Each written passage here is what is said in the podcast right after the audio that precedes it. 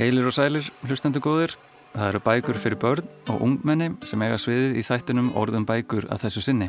Í síðara hluta þáttar verður rættið þær dröfn Viljánsdóttur skólabókaðörð í Seljaskóla og formann Ippi á Íslandi og regniði gestóttur sem fyrir 37 árum sendi frá sér sína fyrstu barnabók og hefur síðan skrifað týjið þeirra. Ragnhildur hefur á allra síðustu árum einnig sendt frá sér bækur ætlaðar fullornum. Svo nýjasta er glæpasagan Farangur sem tilnemd er til blóðdrópans verðluna hins íslenska glæpafélags. Og auðvitað spyrjum við Ragnhildur líka út í þá bók. Við byrjum hins vegar á því að samtal við Þórunni Rakel Gilvadóttur en frumurinn hennar, ungmennabókin Akam, ég og Annika er bæði tilnæmt til fjöruvelununa og íslensku bókmyndavelununa í flokki barna og ungmennabóka.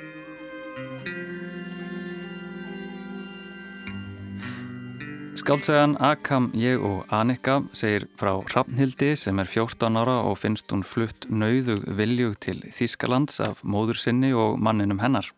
En við flutningana þarf hún að skilja við íslenska öryggisniti sitt, pappa sinn, ömmu og lindu, bestu vinkonu sína.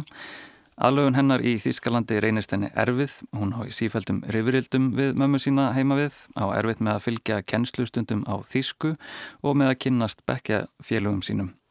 En þrátt fyrir þessa örðuleika myndar Rafnhildur tengsl við Hæti, nágrannakonu sína, kurdíska flótamannin Akam og punk-stelpuna Anikku. Akam reynist hins vegar flæktur í nokkus konar svikamillu. Tveir aðrir nefndur hafa platað hann til að leysa starffræðiverkinni sem þeir síðan selja hálfum skólanum fyrir vægt gjald en Akam sér aldrei krónu af þeim peningum.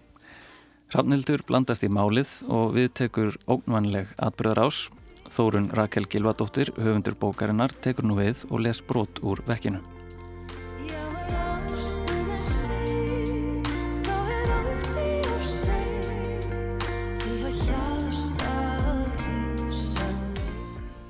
Þrítjósta þriði kabli Framhjá mér þötu ávextir, grænmeti, túlipannar, börn, kerrur, hjól, veggjakrót og manneskjur sem ég fannst ætlað stöðva mig ímist undrandi eða ásakandi. Ég bara hljóp og hljóp þar til ég stóð á öndinni með beist blóðbragð í munninum við litla matveruverslun. Lavmóð og skelvingulostinn laumaði ég mér innfyrir. Dökkleitur maður með mikið og sítt skegg satt innan við lítið afgriðsluborð þar sem þjætt hlaðnar hillur þögtu veggina og náðu upp í loft. Ég fekk á tilfinninguna að ótal niðursuðudósir og hrísgrónapokar myndu hrinja yfir okkur og við grafast þar undir. Mér fannst að ég hlitað kapna þegar ég andaði að mér sterkum kryddilminum og kom þá auð á reysastóra bauk af litríku kryddi við hlið afgriðsliborsins. Þar sem ég stóð eins og illagerður hlutur á miðju gólfi byrjaði ég allt í einu að hristast og skjálfa. Tennurnar í mér glömruðu og þótt ég ætlaði bara að spyrja hvað lestastöðin væri, kom ég ekki upp einu orði. Dimm Karlmannsrödd á framandi tungu barst úr litlu útvarstæki á afgræslu borðinu. Maðurinn horfi stór eigur á mig. Þá stóðan upp í hægðum sínum, gekkað dyrum búðarinnar og skimaði til begja átta. Svo lokaði hann dyrónum, snýri likli í skránni, dró gardinu fyrir hurðina og spurði Was ist passiert, armes Mädchen? Ekkert, saði ég hríðskjálfandi og hristi höfuðið. Polizei, spurðan og horfi beint í augum mín. Næn, stundi ég millir glamrandi tanna. Das ist aber gut, sagðan og kvarf bak við litríkt og minnstrað gardínuhengi aftan við afgræsleborðið. Eftir stuttastund kom hann með rjúkandi botla og rétti mér. Drektu þetta, telpa mín.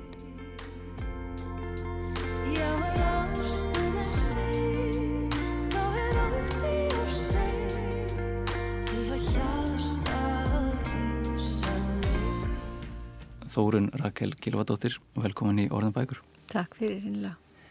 Og mér langaði að spyrja þig kannski einföldu spurningar hennar fyrst, sem er kannski líka svolítið flókin, en uh, bókin Akam, ég og Annika, um, um hvað er skaldsagan? Já, bókin fjallar um stúlku sem heitir Rafnildur eins og þú getur um. En um hvað er bókin já?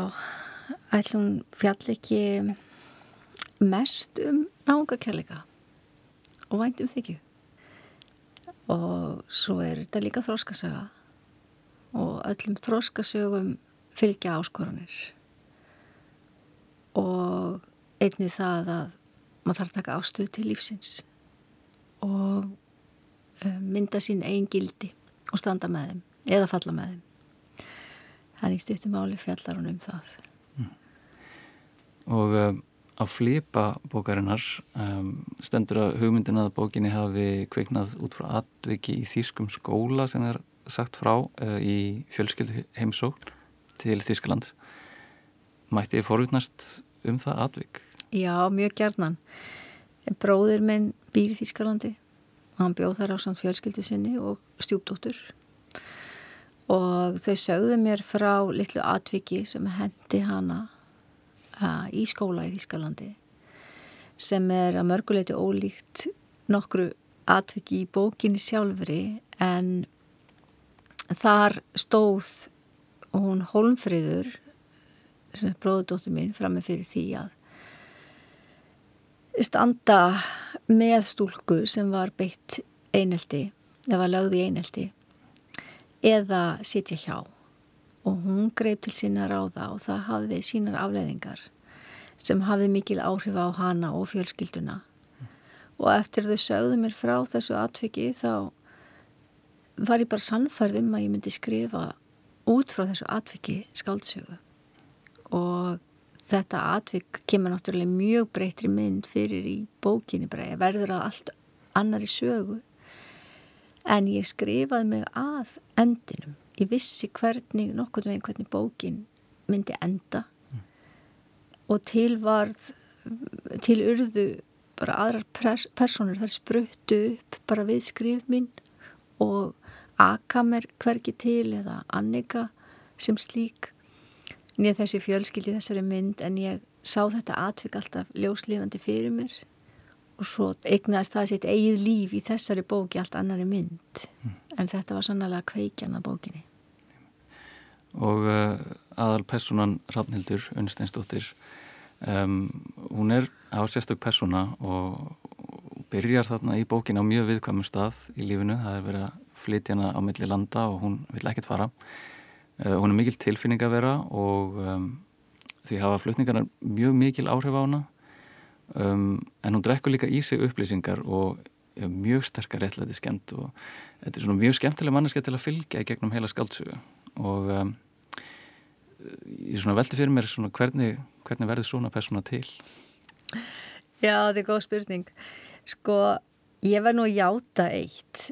Að ég var stödd í grunnskóla var að lesa upp á bókinni og þá spyr stúlka mig Þú er ekki rafnildur heldur dramatísk? Hún er alltaf grátandi og, og hérna, bregst ókvæða við hín og þessu. Og þegar ég skrifa bókina þá er ég sjálf að gangi gegnum skilnað. Mm. og ég greiðt sjálf uh, heil mikið meðan ég skrifa þessa bók bara í mínu persónulega lífi. Og þegar stelpann spurði mig þá svona rannu fyrir mig ljós að þetta hafi áhrif á hrafnildi Nú svo á ég líka tvo unglinga. Dóttir mín er 16 ára. Þannig að það er ekki langt að sækja kannski sumar senurnar í bókinni. Mm -hmm. Og svo verður hún kannski bara að blöndu uh, minna nefnda barna uh, mín og ég vil nú meina það að hver einasta person í bók geti aldrei orðið stærri eða meirinn höfundurinn sjálfur og þar með ég ekki að segja að Hrafnildur endur spekla mig heldur allar mínar skinjanir og alla þá sem ég hef komist í tæri við og náða skinja með minni næmni þannig hún endur speklar mína personu þá sem standa mig mjög nærri og þar sem ég skinja í öðru fólki. Þessi skáldsæða snertir á mörgum mjög stórum málum og þú nefnir náðu kærleikin og þráttur um kannski einmitt fjalli um ástina og á millimanniska þá er voðarlega mikið mótleiti í, í bókinni. Uh, og hún fer inn í mjög stór mál, sérstaklega samtímas, það eru umhverfismálinn og innflytendamál og stafrænt kynferðisofbeldi félagsleg einangrun, svo fátt eitt sér nefnd en um, bókin gerir hins vegar ekki þau mistök að sko vera að fræða mjög mikið um þessi mál, það er ekki verið að, pretika, frásögnin fær alltaf einhvern veginn að vera í forgangi. Var þetta mikil svona vinna að vefa þetta allt inn í frásögnina allir þessi mjög stóru og, og vandmeðförnum mál? Nei, það var alls ekki erfitt sko. Ég sko ég skrifaði þessa bók ég, ég stundan á mér yllist ég skrifaði þessa bók og allt handriði áður en ég sótt um þar. Þannig að ég, ég kom svona bara, ég var svo óslýpuð það var engi búin að tálka mig eða, eða slíkt í neinu bókmentanámi þegar ég skrifa bókina. Og ég sest bara niður og, og skrifa mig bara áfram og hún er skrifuð í einum rík ég eitti aldrei hálfum kabla, heilum kabla eða neitt slíkt. Þannig henni bara vatt fram svona. Og í raun þurfum við ekki að horfa nema eitt fréttatíma sjónarsins til að öll þessi mál beri á góma. Mm. og við sitjum og horfum á þennan fréttatíma og það er flutt hlutlaus frásögn oftast nokkurn veginn. Og við verðum að taka afstöðu sem áhorfendur eða áherindur og ég held hreinlega að þó að það sé tekið á ymsu í bókinni þá sé þetta bara alls ekkit ólíkt raunveruleikanum. Við erum útsett fyrir þessu öllu og rétt eins og hrafnildur þá stöndum við fram með fyrir því vali að taka afstöðu og gera eitthvað eða sitja hjá og láta sem ekkert sé láta þetta fara inn um annað út um hitt og þá er með getum við valið svolítið hversu flókið líf okkar er. Við getum ekkert valið allir leiti en við getum valið hvort við látum til okkar taka. E, þegar óriðtlæti bera góma eða miskipting er æbandi æpir á okkur. En það er alltaf hægt að þakka niður í samvinskuröld hjartans. En það er líka hægt að fylginni og þessi bók fjallar um það þannig að þegar fólk er að segja að hún tekur á svo mörgu hún tekur raun og veru ekki á meirinn því sem að unglingar eru útsettir fyrir í dag dagstaglega mm.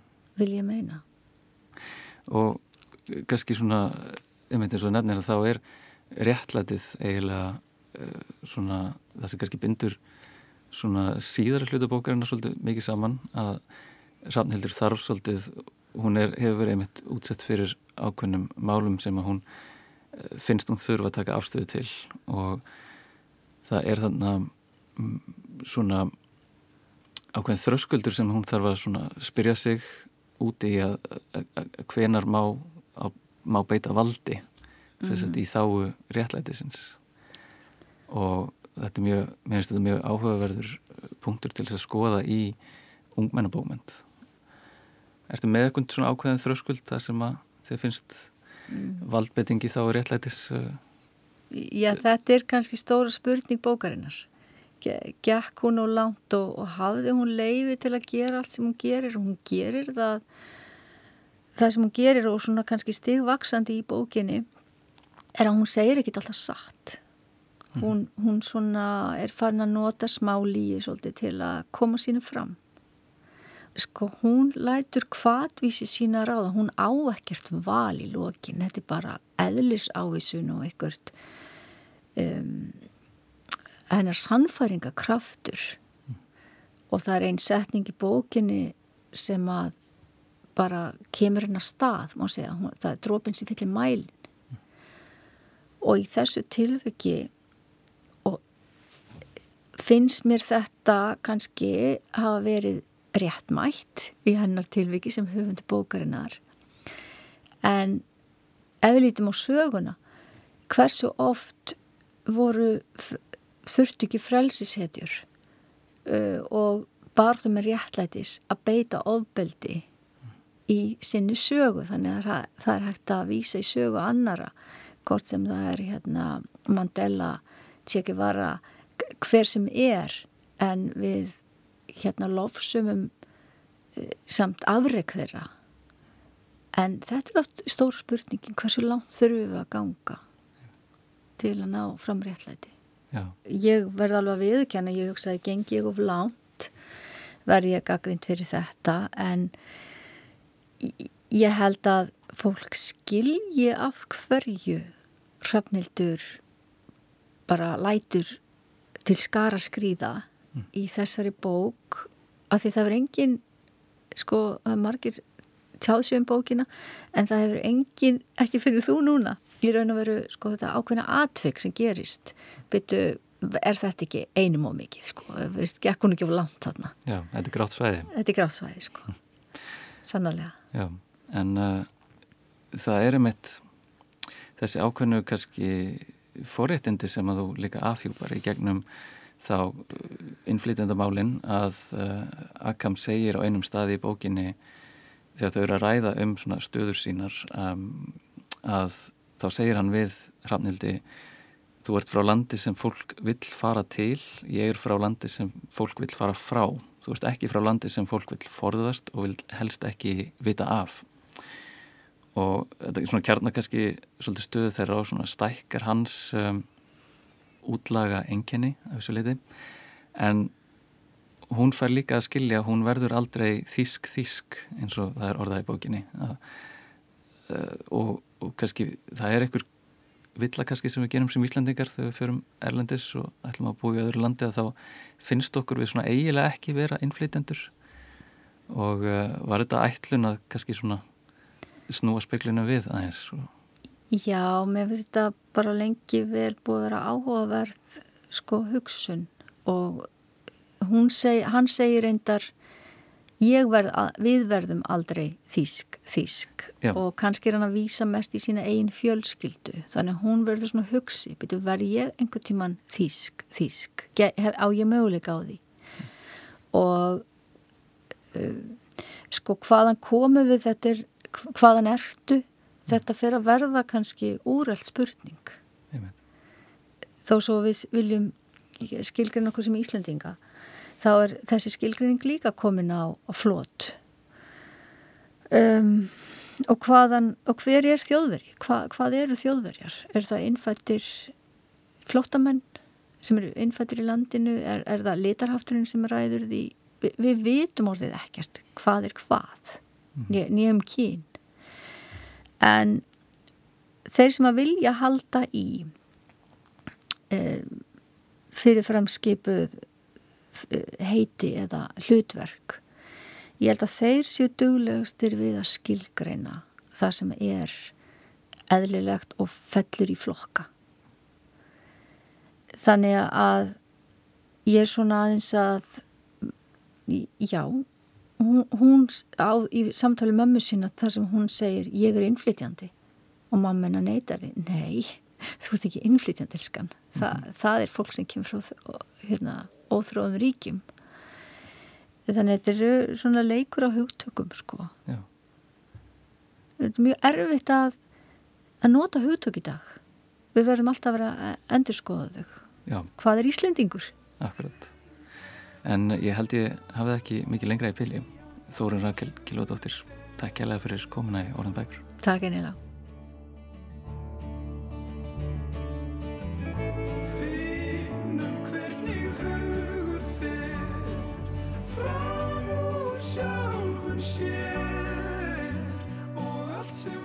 Bækur hugsaða fyrir börn og ungmenni eru fjölbreytt grein bókmynda.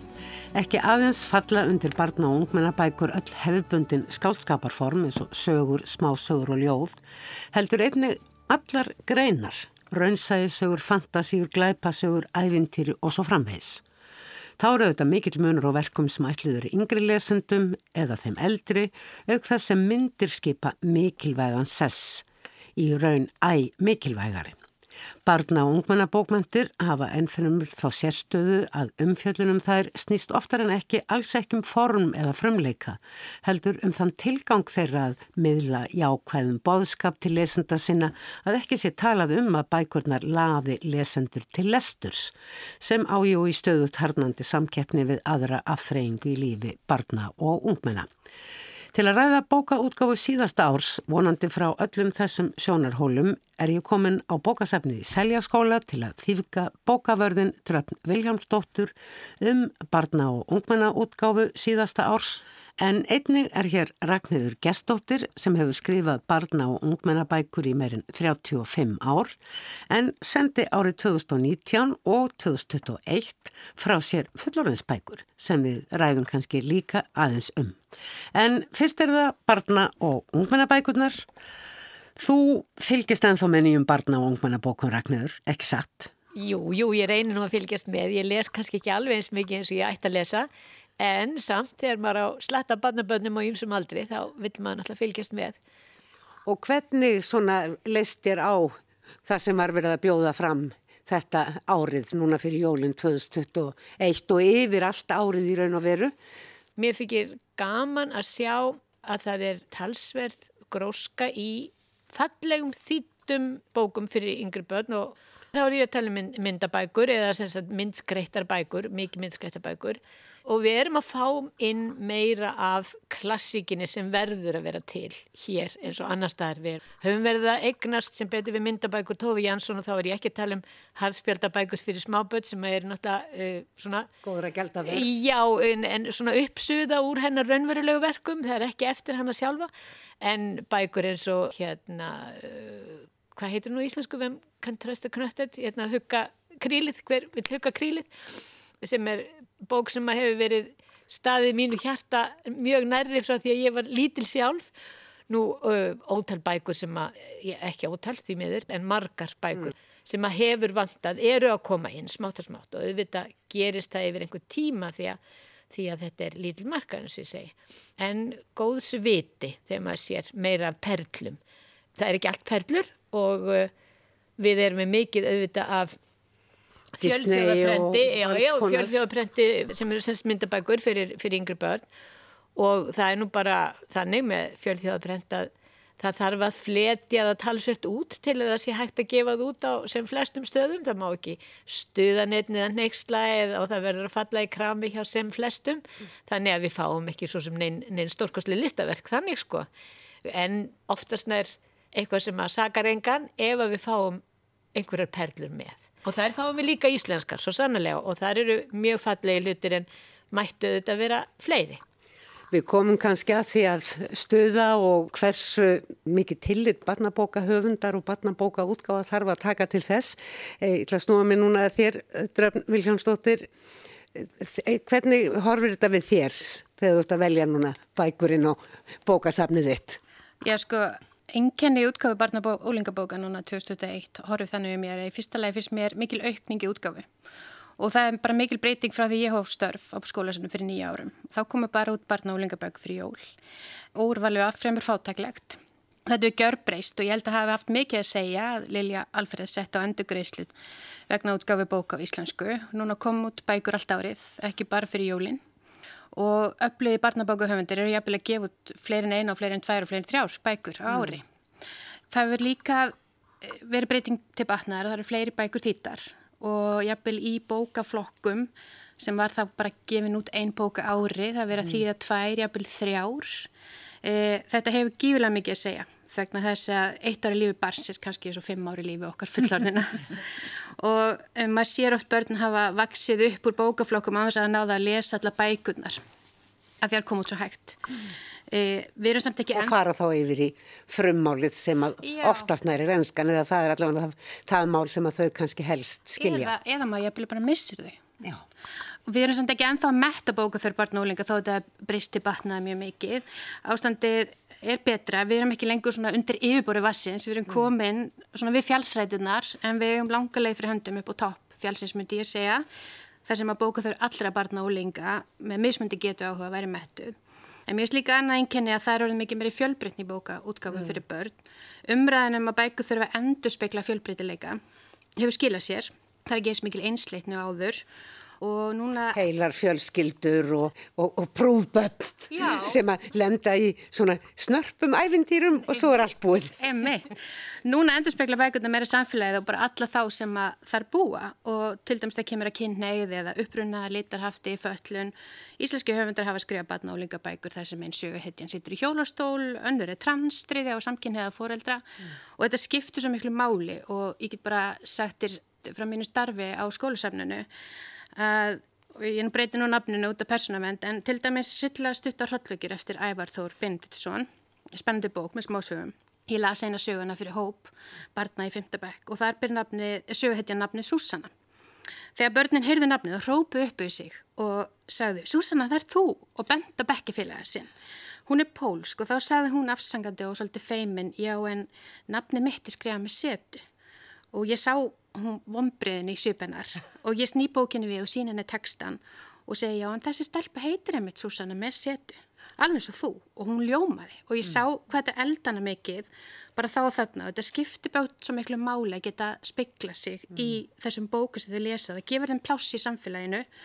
Og Ævar sagði mér hann að markvist skoðað vinsal pólskunöfn mm til þess að þetta hafa þau sem personur í bókinu sinni mm. til að fleiri lesendu gætu samsvara sig við sögupersonunar.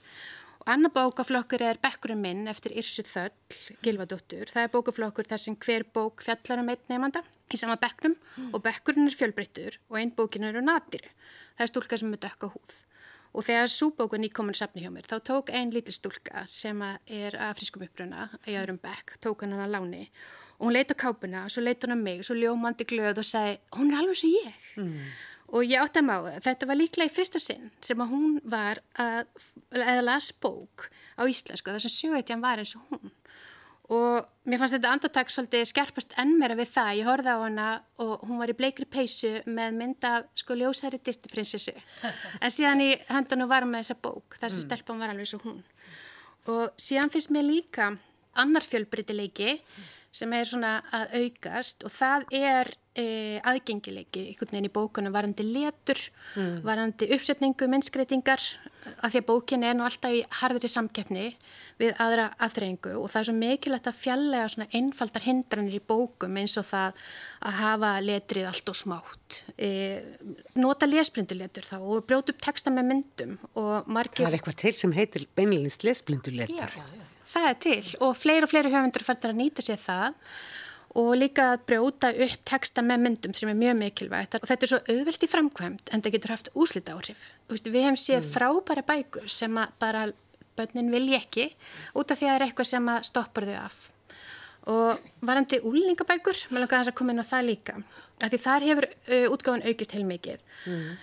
og það er svolítið tilnægt að það sé mikið að fantasíum og ævindrabókum Þau, þau langar... Sem eru nú reyndar mjög vinsalar hjá ungmennum að gleima sér í. Já, þær eru kannski svolítið vinsalar hjá bókórmunum. Mm. En ég til dæmis vinn í skóla með 700 börnum og ég þarf að láta öll þessi börn lesa. Og það er að vera kannski náttúrulegi bókórmar mm. og það er einmitt oft börnir sem fara svolítið í fantasíru og æventýri og kannski þingri og svona krefendi bækur og það eru kannski þá bækunar sem svolítið gefnar út af því þær eru þá kiftar mm. en mér vantar líka létt með því mér vantar bækur fyrir úlingana sem nanna get mikið að lesa eða þau sem langar bara í raunsæðisbækur eða það koma að stelpur sig að svona kvísla átt ykkur svona ástasjögur en samt skilur aðgengilega fyrir átt, mm. stelpi áttundabæk sem er ekkert mjög mikið að lesa.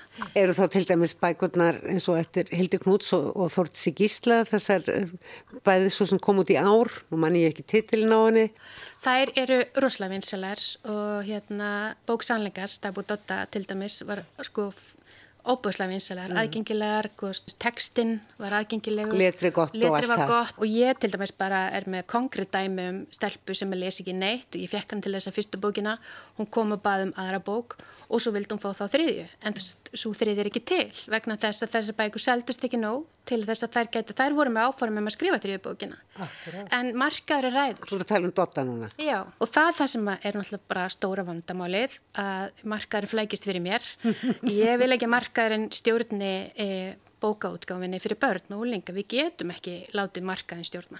Vegna þess að börnin þurfa bæku til að lesa. Sala og bókum endur speklar ekki alltaf e, það sem börnin vilja endilega lesa. Því þau eru ekki að kaupa bækunar. Nei, það eru náttúrulega fórildræðinir. Það er alveg rétt og það er mjög, mjög mikilvægt sem komst inn á í sambandi við einmitt uppsetningu, framsetningu, myndskreitingar og svo framvegis. Þetta er þáttur sem við eigum talsvört eftir að klifra. Það vantar meira af bara reynlega góður myndarittstjórn mm. hjá forlegunum í útgáfuna. Nú erum við að menta myndhöfunda framtíðarinnar hér heima og margir fara elendis í framhalsnám líka. En þessir krakkar fá bara alls ekki nógu mikið að gera. Það er hérna... En gætu þau ekki hasla sér völl jáfnveg þóttu búi hér í útlandum því að það er hægt að... Jú, það er hægt, en það er nú eitt í sambandi við þetta með, með búsetuna. Ef um er að ræða, segjum litla hverstagssögu fyrir lítil börn, þá er algjörlega nöðsilegt að sá sem teiknar mynd, myndirnar í þá bók þekki heiminn sem hann er að mynd gera. Mm. Ég er ekki að tala um það að það þurfa að gera einhverja myndir af einhverju ljósmyndalegri nákvæmni. Þetta er spurningum um að vera trúr tekstanum með þetta og að ganga inn með, með heilindum en ekki að velja kannski einföldustu leiðina og að bókin sé nákvæmlega eins og myndin á peysunni eða skólatöskunni eða morgunverðarkotninu eða hvað. Það gerir náttúrulega lítið til þess að opna mynd heim og, og gera barnið, eh, gefa mm. því eitthvað meira mm. heldur en yðnaðarframlegsla. Myndir í barnabók eiga ekki að vera yðnaðarframlegsla. En myndum staðins á það að stöða og ég sagði að myndum örgulega að koma að því nei, barnabækur með ekki stöða og það var sjálfnast orðið jafn heitar umræður um bókmyndir svona í gegnum áratugina reyndar kannski ekki á allra síðustu árum að ég mann eh, heldurinn í tengslum við barnabækur og hvað börnum væri holdt. Það er þetta uppeldis hlutverk Já. Núna erum við að býða eftir því að verði tilkynnt hver fái íslensku bókmyndavelunin í hinnum tiltölulega unga flokki, barna og ungmennabækur og það hafa heyrst svona gaggrinnisrættir að flestar bækurna sem að nú séu tilnemdar að það er séu í raukstunningi dómnemdar séu mjög ábyrrandi hvað það séu hodlar og fræðandi. Já, ég hjó eftir þessu heimilt líka og mér finnst þetta sína, já, í raun og veru ákveði vannmat á ekki bara börnum, heldur líka bara á, á hlutverki skaldverka. Vegna þess að, jú, það er allra góðra gældarvert að hafa góð áhrif á börn og nú hafa sjálfshjálpar bækur af öllu mögulegu tægi verið vinselar fyrir fullorna og bækur sem eiga að hjálpa börnunum að öðlast betri sjálfsfyrðingu og, og styrkja þau og eina og aðra lund, auðvitað er það góðra gældarvert. En það að ganga inn í góða, velsagða, spennandi sögu er í sjálfur sér mannbætandi. Það hefur meiri sé verið sanna með rannsóknum. Innlifun í bók, í sögu, vekur samlíðan og gerir mann að þann með að betri manneskju hvort sem um er að ræða barn eða fullun og sérstaklega barn sem er í mótun með sína hegðun og, og, og gildi. En það þarf ekki að predika mm. eða leggja hlutina þannig á borð að það sé verið að segja barninu hvað sé gott og holdt og rétt. Mm. það er nóg að gefa því góða sögu þar sem það skilur frekar heldur en því sem ég sagt það. Mm. Skilur og skinnjar Krakkarnir þínir eh, hafa þau eh, dröfn, hafa þau stundum orðað á því æg það var svo mikið verið að kenna mér eða eitthvað? Nei, en það er sumakrakkar sem komu og segja nei, pappa minna, mamma minn vill ekki lesa þessa bók sko mjög oft er það þá einhvers konar myndasögur og ég verð alltaf svolítið leið vegna þess að mér finnst barnabók vera góð svo lengi sem barna vil lesa bókina mm. Og ef barna vil lesa bókina og kannski þó við dæma manna sem eitthvað svona, þetta er nú meira svona eitthvað ekki, eitthvað léttmeti léttmeti, eh, við lesum við ekki léttmeti líka, eða þá kannski já, kannski er hún en ekki droslega verið rýtsirt eða kannski glemtist aðeins að yfirfara málfara eða eitthvað slíkt. En ef að barnið fara áhuga að lesa bókina og lesa hana mm þá er náttúrulega væntalega meiri líkur á því að barnið lesi fleiri bækur. Ég hjó eftir því þegar ég fletti nokkuð nákvæmlega í gegnum bókatíðindi og las það sem var skrifað um hverju eina bók þó það sé náttúrulega getur verið mjög villandi, ég segi það ekki, en eiga síður. Ég tók eftir því að mér fannst óvenju margar bækur fjalla um sveitina, um fortíðina og fantasíur þar sem álvar koma við, við sögu. Tók ég rétt eftir? Já, ég er eiginlega svolítið sammálaðir. Mér er svolítið mikið hérna, af þannig bókum og mér finnst eiginlega sámarkað svolítið mettaður, verði ég að segja. Ég er ekkit rosalega mikið að byggja mig um bækur sem gerast 1950 í sveitinni. Það er eiginlega bara enginn sem byggur um það. Auðvitað eiga alltaf bækur rétt á sér, þannig sé mm. og, eitna, en veist, við höfum bara svo mikil þörf fyrir bandabækur mm. og hverja einasta bók sem kemur út þá vona ég að þetta sé bók sem slæri gegnum bönnunum mínum og ef mm. hún gerir það ekki og hún kannski situr bara reikfellu þá er ég bara svona, ó, oh, þú veist, það hefði geta komið einhver betri sem mann nær til þeirra, skiljur. Ég hjó eftir því... Uh í samtali við höfund sem hefur skrifað mjög mikið af barna og ungmennabókum í gegnum tíðina að eh, skrifin þurfa að hafa tilgang. Er þetta eitthvað sem þú kannast við Ragnæður sem höfundur? Að skrifin hefur tilgang? Já, hafi eitthvað hafa, að segja börnunum. Þau hafa fyrst og fremst tilgang að uppfylla þá þörf sem ég finn hjá mig til að segja sögu.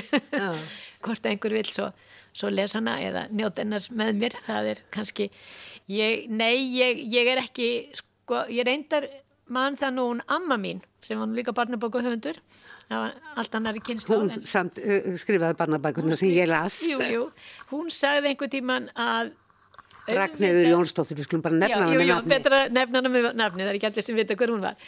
Ná, hún sagði einhver tíman að ef að barn fyndi fyrir því að væri verið að reyna að segja því eitthvað, predika á einhvern nátt, þá var þetta búið mál sko. auðvita reynum við öll bara í allir okkar tilveru erum við alltaf að reyna að, að kannski miðla einhverjum gildum og vera góð kenna fólki að það er að vera gott hvert við annað, jújú, auðvita eru allir að vilja gerðir að miðla einhverju sem er mm. gott en um leið og batni finnur fyrir því lesandin sjálfsagt á saman hvað aldrei mm. Dröf, finnst þér gaman að lesa barna og ungmennabækur skemmtur þér við það?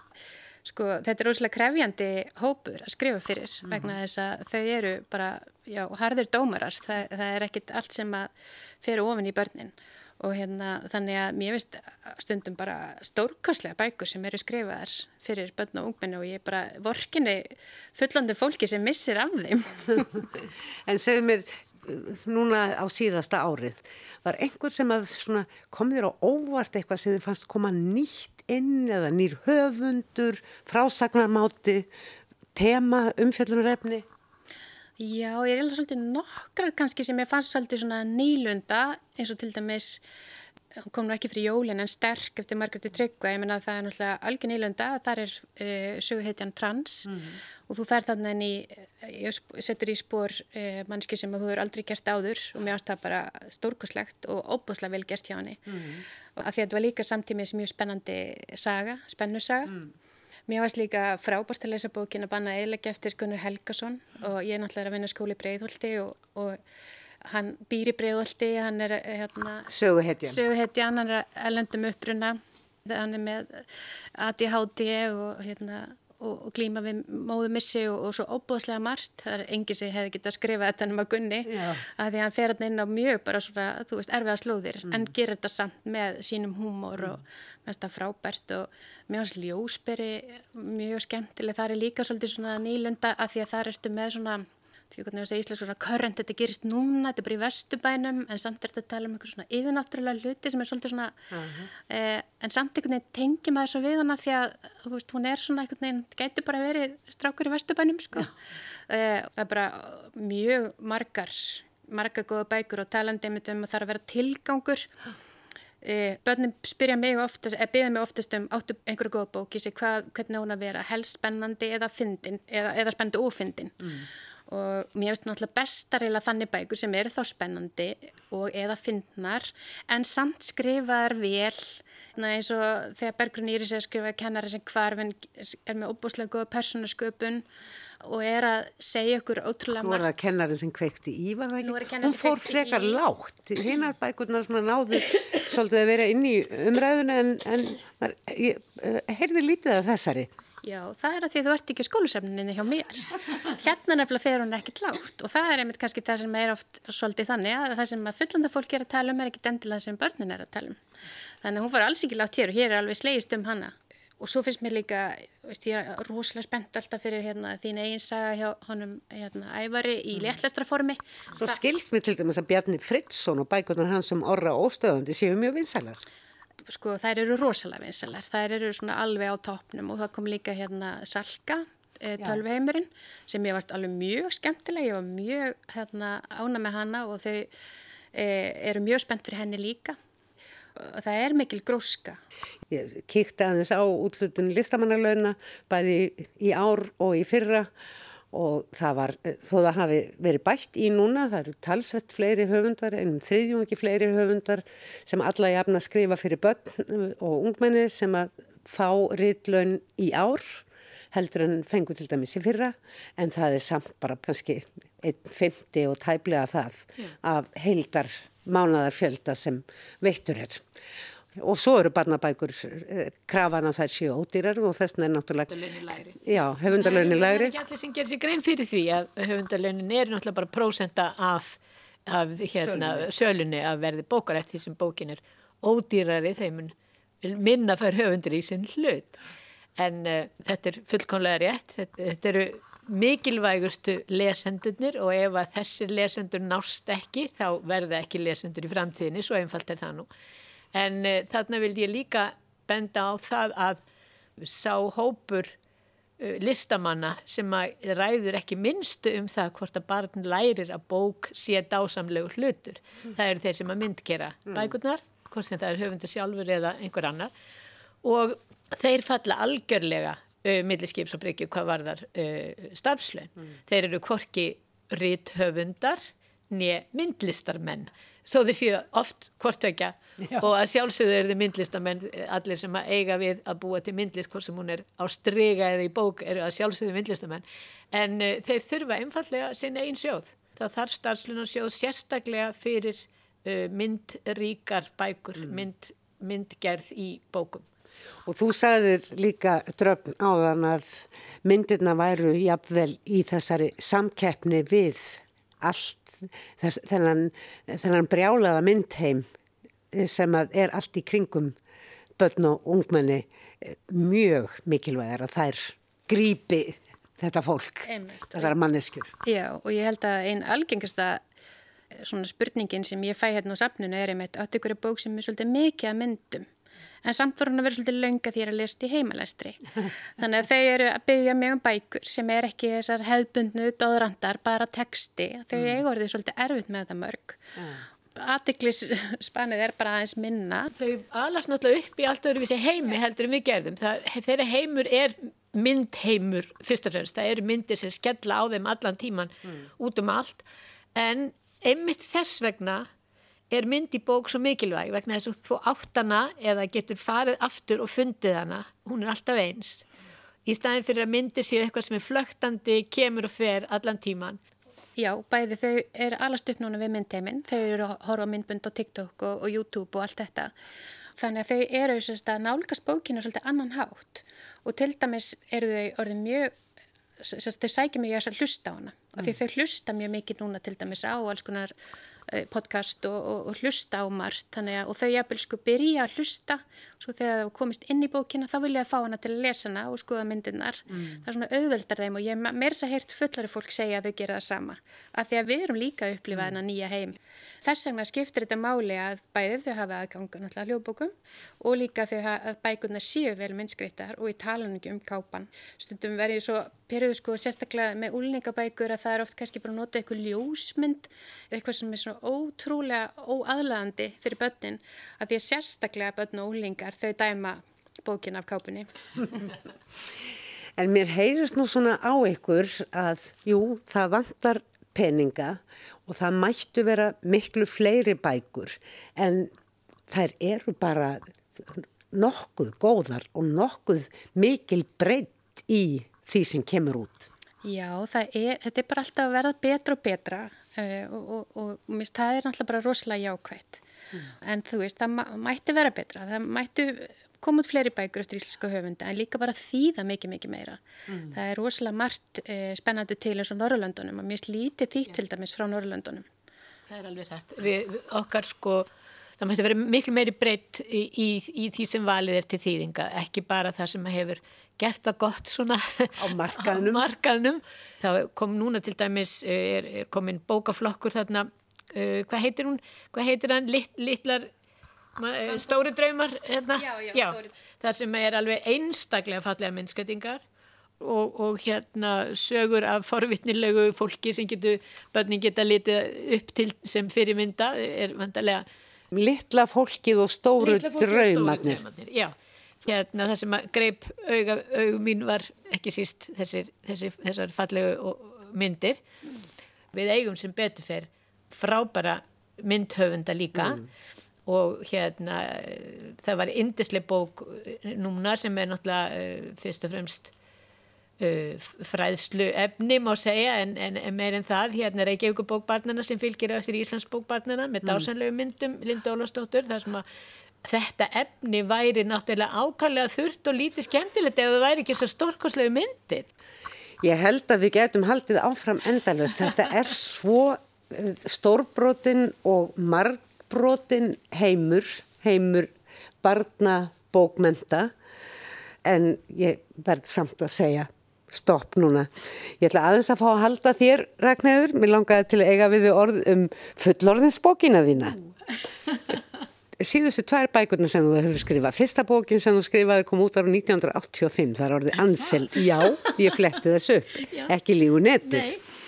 Og í fyrra, nei, hitti fyrra og í ár komstu með fyrstu bækurnar sem að voru, sem að heita á vef borgarbókasapsins Skáldsaga. Já, loksins loksins alvöru Já. bæku Úr myrkrinu heitir fyrirbókin Já, já, og svo síðari heitir Farangur. já Ég er ekki búin að lesa þá fyrri en af lýsingu að dæma að þá hefur hún ekki síður heldur en farangur ákveðið svona spennu, sagna, dræf og farangur er glæpasaga, ég meina, hún var tilnæmt til er- íslensku er sögur Þar sem glæpir koma við sögu, þetta eru glæpa, glæpasögur, jú. Hvað var til þess að þú uh, fóst út í þetta? Hvað kveikti hugmyndina uh, af þessum bókum? Ég hef á tilfinninguna að það er svona tengist tematist. Þarna eru börn og vernd og, uh, já, ólögbrot. Já, það er, það er nú nokkuð til í því. Það er nú bara einhvern veginn þannig að það koma til manns allavega sögur og setja stað í hausnum á manni og komast kannski inn í skjalið í tölvunni sem heitir hugmyndir og svo er það þar og mallar daldi lengi. Þetta er í rauninni ekki alls ekki fyrsta sem ég skrifa fyrir svona almennan uh, lesenda hóp en Já, sé það náttúrulega- fyrsta sem kemur út. Og ég skrifaði reyndar smásögu, glæpa smásögu fyrir löngu síðan sem var til þess að ég var orðin meðlimur í hinnu íslenska glæpafélagi áður en þetta, að þessu var komið. Ég skrifaði einu smásögu sem heitir Grænir fingur og kom út í smáglæpur og morð sem var smásagnasafn. Það var mjög skemmtilegt, já. En uh, sumar sögur eru fyrir börn og sumar sögur eru bara ekkit fyrir börn. Þetta er sögur- mjög uh, ókveikjandi og, og, og hræðileg saga, uh, farangur. Já, þó að, na, og þó að börn komið við sögu Og- og, einmitt kannski vegna þess. Uh, ég held að svona sem móðir kannski, móðir og amma, verstu glæpir sem ég get ímynda mér eru glæpir þar sem að eitthvað er brotið gegn eða bör, börnum eða börn er í hættu. Þannig að það er kannski þessna sem ég vel þessi, þessar hu- hugmyndir koma í kollin á mér. Í sambandi við úr myrkrinu þá er þarna kannski líka vegna þess að ég vildi skrifa frásagn sögn sem ekki var trúað. Það er að segja uh, barnið eða börnin sem segja frá uh, hræðslusinni við að, að glæpur hafi verið framinn þeim er ekki trúað. Börnum er ekki alltaf trúað og allra síst börnum sem eru þeirri stöðu sem þessi börn er í. Að segja börn sem eru svona jáðarsett vegna hegðunar vandamála eða erfiðleika heiman og þau eru ekki í, eru í þeirri aðstöðu að það væri auðvelt að halda þau hefðu búið þetta til. Og uh, það bara gefur skemmtilega möguleika til þess að, að spá í hvað taka þess þá til bræðs. Hvort að þau gefast upp eða hvort þau reyna og, og það að reyna þráttur að manni er ekki trúað þá fannst mér ég vera að búa til daldi góða hetjur. Því að hérna það gefast ekki upp farangur er hins vegar glæpasaga, ég verða að kynna að hún er spennandi bara frá fyrstu síðu. Maður fylgir eftir, ég veit ekki hvort ég á að segja myndaglæp en það er eiginlega ekki rétt því að þetta er glæpur, hún fremur glæp. Svo er það spurningum ástæður og, og afleiðingar og svo framvegis. Og það er svo erfitt með glæpasögur, maður er svo fljótur að eðilegja allt fyrir tilvonandi lesendum þannig að ég þóra eiginlega ekki að, að gefa margt eh, eða eiginlega bara ekkert uppi. En innst inni, innst í kjarna, innsta orsökin fyrir því sem að gerist í bókinu og þessi frásögn getur orðið til er glæpur sem að ég hafi aldrei leitt hugan að að gæti verið til. Nei. Já, já, ég veit hvað það meinar og ég má ekki segja neitt mikið heldur en það er, það, hann fór í rauninni e, eiginlega framhjá þeim fyrstu sem lásið þetta yfir svo ég þurfti svona aðeins að skerpa á að, að, að þið skildu um hvað mm. verða að ræða. Nei, uh, þar langaði mig ekki síst til þess að láta lesandan uh, samsama sig við söguhetju sem er ekkert gallalös, alls ekki og svona spá í kannski hefði hann eða hún tekið sömu ákvarðanir eða gert eitthvað allt annað. Mm. Hún náttúrulega brítur reglur og lög sem að leiðir að sér hún verður kannski að brjóta aðra reglur og lög og, og hvernig kem, kemur hún sér út úr því og mm. hafði hún einhver tíman val eða, eða ekki. Mm. Að, sko, mér, mér þykir gaman að pæla í svo leið sjálf. Ég er mikil glæparsakla fíkil, ég hef alltaf verið það. Lest mikið af slíkum bókum? Lest mikið af glæpasögum, ég þykja mjög góð leið til þess að slaka á og meðan ég er að skrifa til dæmis þá les ég eiginlega bara mest reyfara því að það trublar ekki þinn eigin skálskap það kannski of ágengari við þegar maður er sjálfur að skrifa en, en alveg eins og horfa á góðan glæpa þáttir er mm. góð afslöpun og en maður er aðeins þá verður maður náttúrulega auðvitað að reyna að gera þess vel og maður getur það er mm. fullt af fólki sem les fyrst og fremst einhvers konar sakamálusögur, glæpasögur og, og þá bara verður maður að leggja allar sín metnaði að gera mm. það vel. Fannst þér mikilvægt til dæmis að uh, fjölskylda þessarar uh, stúlku væri svona að mörguleiti bara mjög pott þétt og, og, og flott millistetta fjölskylda? Já, hún verður eiginlega að vera það, sko, hún verður að vera það til þess að, til þess að að legarna séu nöðsynlegar líka. Mm. Sko ég er stundur sagt að ég spurðaði sko, hvernig er að, að skipta yfir frá því að skrifa fyrir börn og unglinga.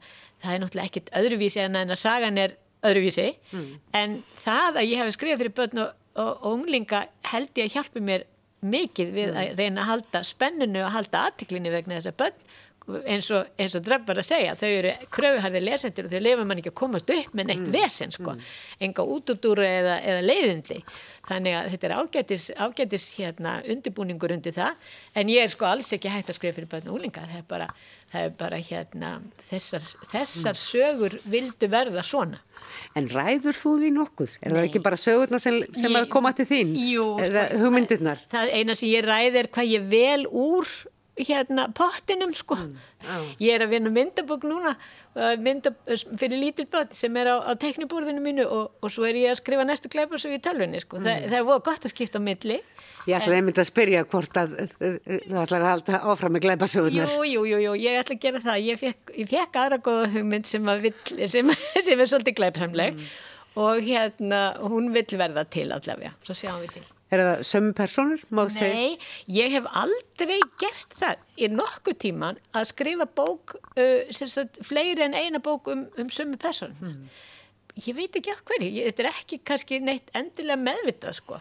Uh, ég hef fengið alveg, alveg ég fengið bref frá lesenda, eh, sætasta lesendabref sem ég hef noktið fengið var eftir að 40 viku kom út og ég fekk eh, lesendabrif frá lítilli 13-14 ára gammalli stúlku sem sagði viltu skrifa meira, mér langar svo að vita hvernig gengum með hennar sólrunu litlu Já en, en sko ég hef hingað til verið sko búin með þetta og, og, svo, og þá ger ég eitthvað annað Þetta er skemmtilegt, heimarbókarinnar eru óransakanleir. Bestu þakkir Ragnhjóður Gestóttir og Dröfn Viljónsdóttir. Sumulegist, takk. Fleiri verða orðum bækur ekki að þessu sinni. Við minnum á að þættin er hægt að hlusta á á vefsið RÚF í spilaranum í appinu og í öllum helstu hlaðavarpsveitum. Tæknimaður í þessum þætti var Georg Magnússon, honum er þakkað fyrir gott hljóð. Við verðum hér aftur að veiku liðinni. Takk fyrir að hlusta, verði sæl.